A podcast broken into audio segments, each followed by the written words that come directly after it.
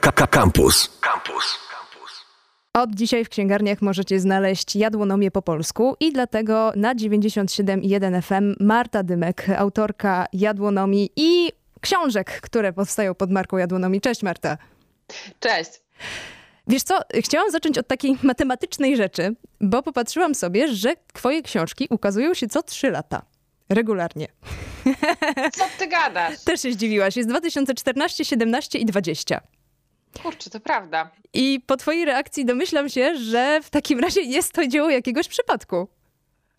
Tak, widzisz, może z całą pewnością jest to dzieło przypadku, ale może jest za tym jakiś, jakiś sens. Być może faktycznie jest to jakiś okres, którego potrzebuję, żeby nad czymś się namyślić, potem e, jeszcze z tym trochę posiedzieć i potem to, to wszystko wygotować i zrobić. Właśnie, bo tak chciałam pytać o ten proces, jak, jak to procesujesz, bo część przepisów w książce jest taka, że one już były, ale są znowelizowane, a część jest która, taka, która pojawiła się po raz pierwszy. Jak ten proces wyboru w ogóle nawet y, wygląda? Wiesz co, mierząc się z tak obszernym tematem jak kuchnia polska, czy też kuchnia po polsku, bo um, takie określenie jest mi bliższe, ponieważ z wielu różnych względów jestem trochę nieufna co do projektów różnych kuchni narodowych i ideologii, których te kuchnie mają być często emanacją.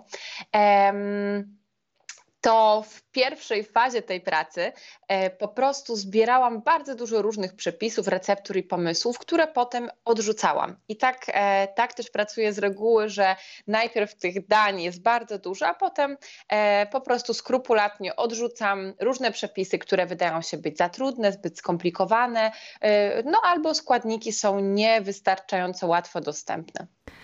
Czyli to jest bardzo dużo gotowania na jedną książkę. To jest bardzo dużo gotowania, jak w całym moim życiu. Domyślam się. Jest, zdarzają ci się przy tej ilości gotowania, zdarzają ci się często klapy? No pewnie, bardzo często. Wiesz, w ogóle wydaje mi się, że niepowodzenia i porażki w kuchni to jest bardzo ważny e, element tworzenia przepisów, no bo um, dzięki temu, że często w kuchni e, coś mi nie wychodzi albo w pewien sposób kontrolowany pozwalam nawet tym daniom e, kompletnie, tak kompletnie się nie udać, to jestem w stanie lepiej zrozumieć, co czytelnikom może nie wyjść, co może być trudne, gdzie są ryzyka ryzykowne albo karkołomne momenty. No i dzięki temu e, mam przynajmniej nadzieję, jestem w stanie tak ten przepis rozpisać, na takie części go podzielić i takimi poradami opatrzyć, żeby potem czytelnikom i czytelniczkom się już to nie przydarzało. Ja to potwierdzam, bo ja najnowszą jadłonomię miałam w rękach i te przepisy są naprawdę proste. I tu potwierdzasz mi coś, co tak mi się wydawało, że najtrudniej jest zrobić najłatwiejszy przepis. Och tak, zdecydowanie, bo kiedy Wiesz, to, to w ogóle bardzo lubię w mojej pracy i tak też ją postrzegam. To znaczy, moja praca, robienie jadłonomii, e, nie polega na gotowaniu czy wymyślaniu sobie dań, tylko na opracowywaniu przepisów. A przepis tym się różni po prostu od gotowania sobie, że przepis ma być instruktarzem, który sprawi, że danie tak samo jak wyszło mi, wyjdzie każdemu, kto nawet w innej kuchni, e, w innej części Polski, korzystając z innych składników, z niego skorzysta. Co ci sprawiło, który przepis najwięcej problemów w nowej książce?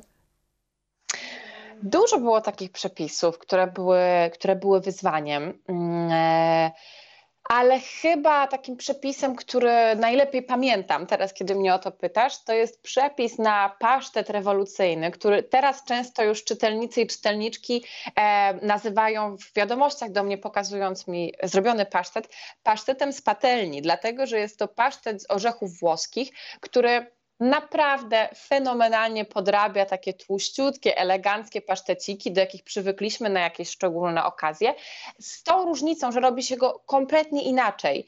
E, czasem kuchnia roślinna wymaga takich nowych technik, prostych, ale po prostu nowych. No i ten pasztet e, nie jest pieczony, a jest przygotowywany w patelni.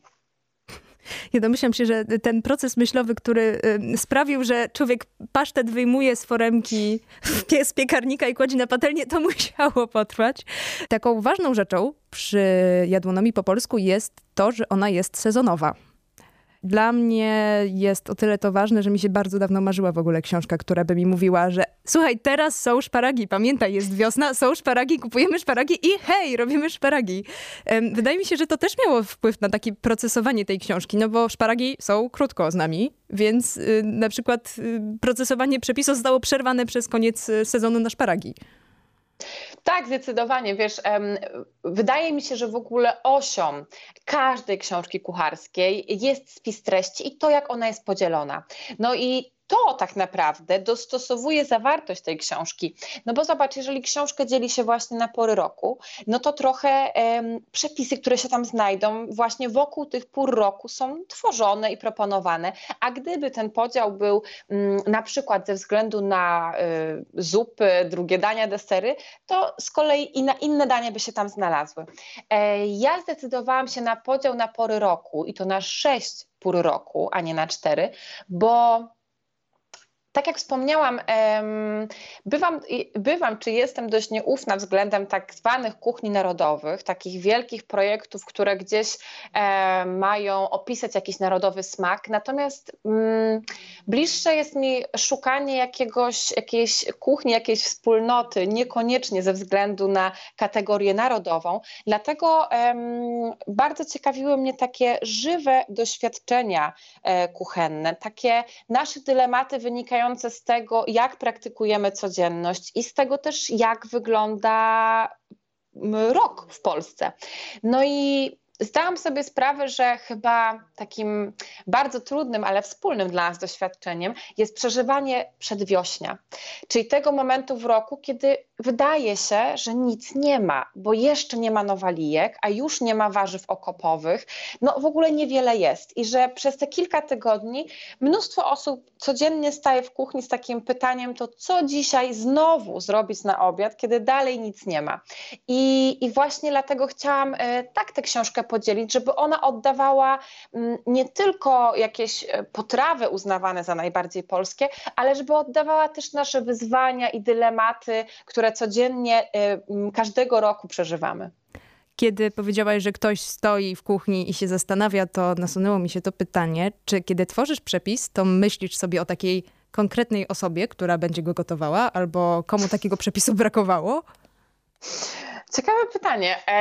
Wiesz co, chyba nie. To znaczy, muszę się zastanowić nad tym, ale na ogół, kiedy, kiedy e, przepisy opracowuję i coś wokół nich robię, to myślę faktycznie o mm, różnych głosach, które dostaję od czytelników i czytelniczek. I czasem przychodzi mi na myśl e, jakaś konkretna wiadomość od jakiejś osoby, a czasem e, na przykład grupa pytań, które cały czas się powtarzają. To znaczy, że na przykład przez e, niezmiennie od początku e, bloga, programów, książek powracało pytanie o to, jak gotować ryż, jak gotować kaszę. No więc postanowiłam mm, temu tematowi poświęcić trochę miejsca, zrobić taki przewodnik e, i odpowiedzieć w nim na wszystkie te pytania, które pamiętam, że wracają najczęściej. A czy masz takie pytania, które wracają i masz już ich dość? A nie, na szczęście nie. E, myślę, że jeżeli tak się stanie, to będzie znaczyło, że.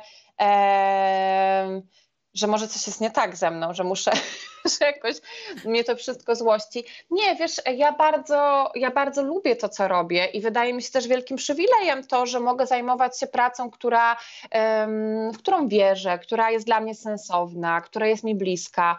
E, I na szczęście, y, mając świadomość tego, że jest to swego rodzaju przywilej, czerpię z tego wciąż bardzo dużo radości. Teraz będzie pytanie z cyklu albo albo. Czy jesteś teamem słodki, czy jesteś teamem słone? O Jezu, totalnie jestem teamem słony. Tak właśnie myślałam, bo tak jak są sezonowe, o czym już mówiłyśmy, no to zawsze jest coś na kanapkę, zawsze jest zupa, zawsze jest główne i zawsze jest deser. No i desery są, jasne, że tak, ale tak mi się wydawało, że mi powiesz, że mi słony. Tak, wiesz, e, ja faktycznie gdyby desery zniknęły, to jakby zupełnie jakoś bym mm, tego nie odczuła. Może nie całkiem bym tego nie odczuła, ale nie byłoby to jakimś dla mnie wielkim powodem do zmartwienia. Natomiast gdyby z mojego życia miały zniknąć zupy, albo kanapki, e, albo surówki, e, to faktycznie byłoby mi ciężko. Myślę, że dużo osób by płakało, gdyby z jadłonomi znikł przepis na przykład na piernik pomidorowy. To dużo osób byłoby bardzo niepocieszonych. E, kolejne z szybkich pytań. E, twój comfort food? O Jezu, no tak, to pytanie jest ważne, to pytanie powraca, a ja zawsze mam z nim problem. Ha, wiesz co, e, jeżeli jako ten comfort food rozumiemy no to, co, co z reguły pod nim się kryje, to mm, teraz przeciągam czas, żeby zyskać kilka sekund na odpowiedź, to postawiłabym na zupy.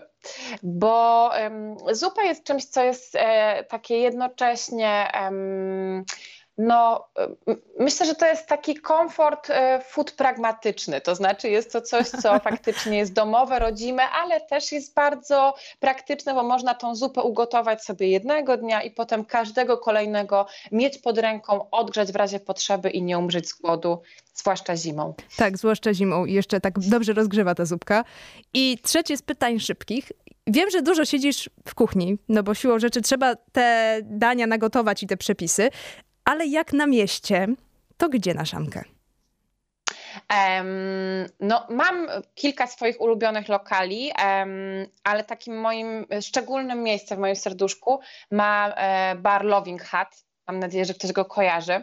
To jest um, wietnamski bar, który ma dwie lokalizacje w Warszawie i serwuje on wyłącznie wegańskie, wietnamskie e, dania, które są po prostu bardzo niedrogie w takich normalnych, ludzkich, niewydziwianych cenach.